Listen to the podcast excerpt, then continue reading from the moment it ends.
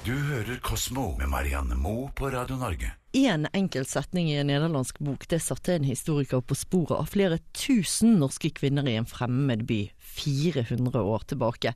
Mange av disse kvinnene var prostituerte og kriminelle, og Bjørnar Kjensli fra forskning.no, hva var det egentlig med den ene setningen som trigget eh, historikeren Karin Sundsbakk til å begynne å grave i denne saken?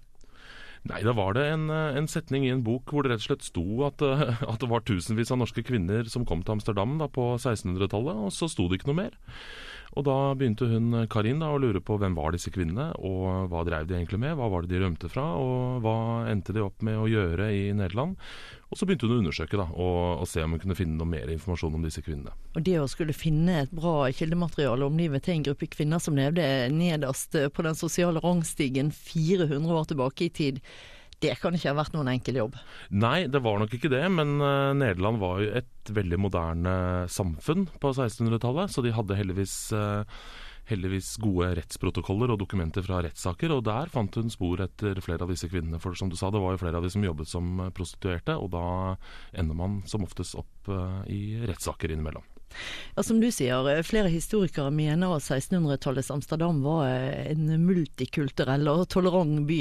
Et sted altså hvor det var eh, lett å bli akseptert som innflytter og utlending. Harmonerer dette med funnet som Sundsbakk har gjort?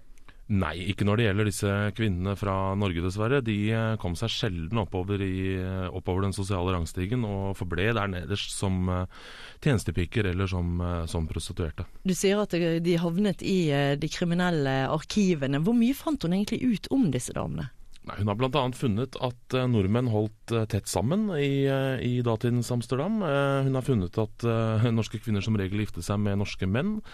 Eh, og de fleste norske mennene som var i, i Amsterdam på denne tida, de eh, var sjømenn. Så var eh, Kvinnene var jo da naturlig nok mye alene. Det tok veldig lang tid å være sjømann på den tida, man var borte veldig lenge av gangen.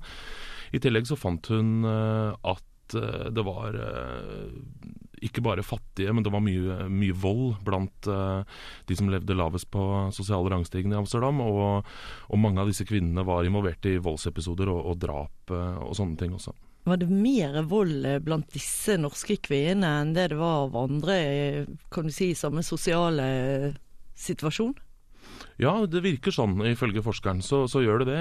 Det kan ha å gjøre med at uh, mange av disse kvinnene kom fra Norge, som på den tida var et veldig fattig utaforland, hvor det var mye vold sammenlignet med, med Amsterdam eh, og Nederland på, på 1600-tallet. Og da er det kanskje lettere å ty til vold. Eh, Norge på den tiden, og, og, Bergen, som mange av disse kvinnene var fra, var, hadde veldig svak stat, hadde svakt politi. og hvis det var noen som krenket æren din eller uh, stjal tingene dine, så var vold egentlig den løsningen som folk valgte. Og, så det, det, finner hun igjen her, og, og det var vel uh, Hun fant til sammen 181 norske kvinner som ble arrestert for ulike forbrytelser, og det det var som regel vold og drap.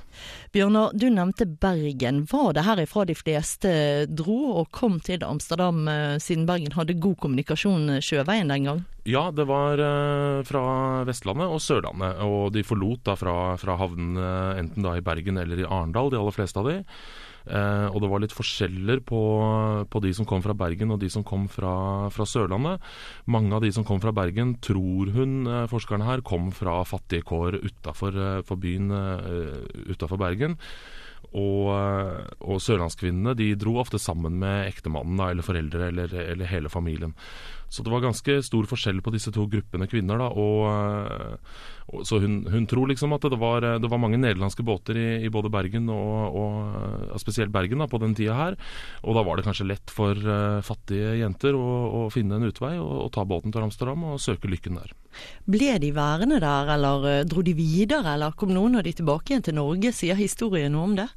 Det var eh, ikke så mange som dro hjem igjen, eh, men Amsterdam på den tida var jo en stor kolonimakt, så det var mange av de som dro videre ut i, i Ny-Nederland, som det heter. Og det er jo fra New York og oppover, så, så mange av disse ble de første nordmennene da i, i USA. Men hva vet vi egentlig om skjebnen deres? Det høres ut som de har hatt et ganske hardt liv, eh, og at det har vært tøffe forhold for de i Amsterdam. Klarte de å klatre på den sosiale rangstigen, eller forble de kan du si, blant de med lav status? De eh, ble dessverre hadde dessverre lav status, de aller fleste av de. Eh, var vel noen av de som dro videre til, eh, til Ny-Nederland som, som, greide seg litt bedre, men, men, de som ble i Amsterdam, de forble nederst på rangstigen. Og, og, selv om det ikke finnes noen bilder eller malerier av disse kvinnene, norske kvinnene i Amsterdam på 1600-tallet, så fins det en Rembrandt-tegning av en dansk kvinne som heter Else Christians og hun eh, var 18 år da hun forlot Danmark for å, å søke lykken i Amsterdam, eh, men hun fikk ikke jobb og klarte ikke å betale husleie. Og så ble hun truet av vertinnen sin med å bli kasta ut, og at vertinnen da skulle ta beslag på eiendelen hun hadde i huset.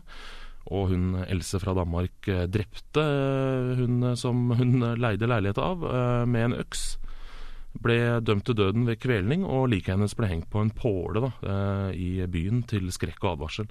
Så dette har eh, Rembrandt eh, tegnet, en ganske grufull tegning. Så det sier litt om hvor tøft disse kvinnene hadde det. Han var jo ganske fattig selv også på den tiden, var han ikke det? Veldig fattig.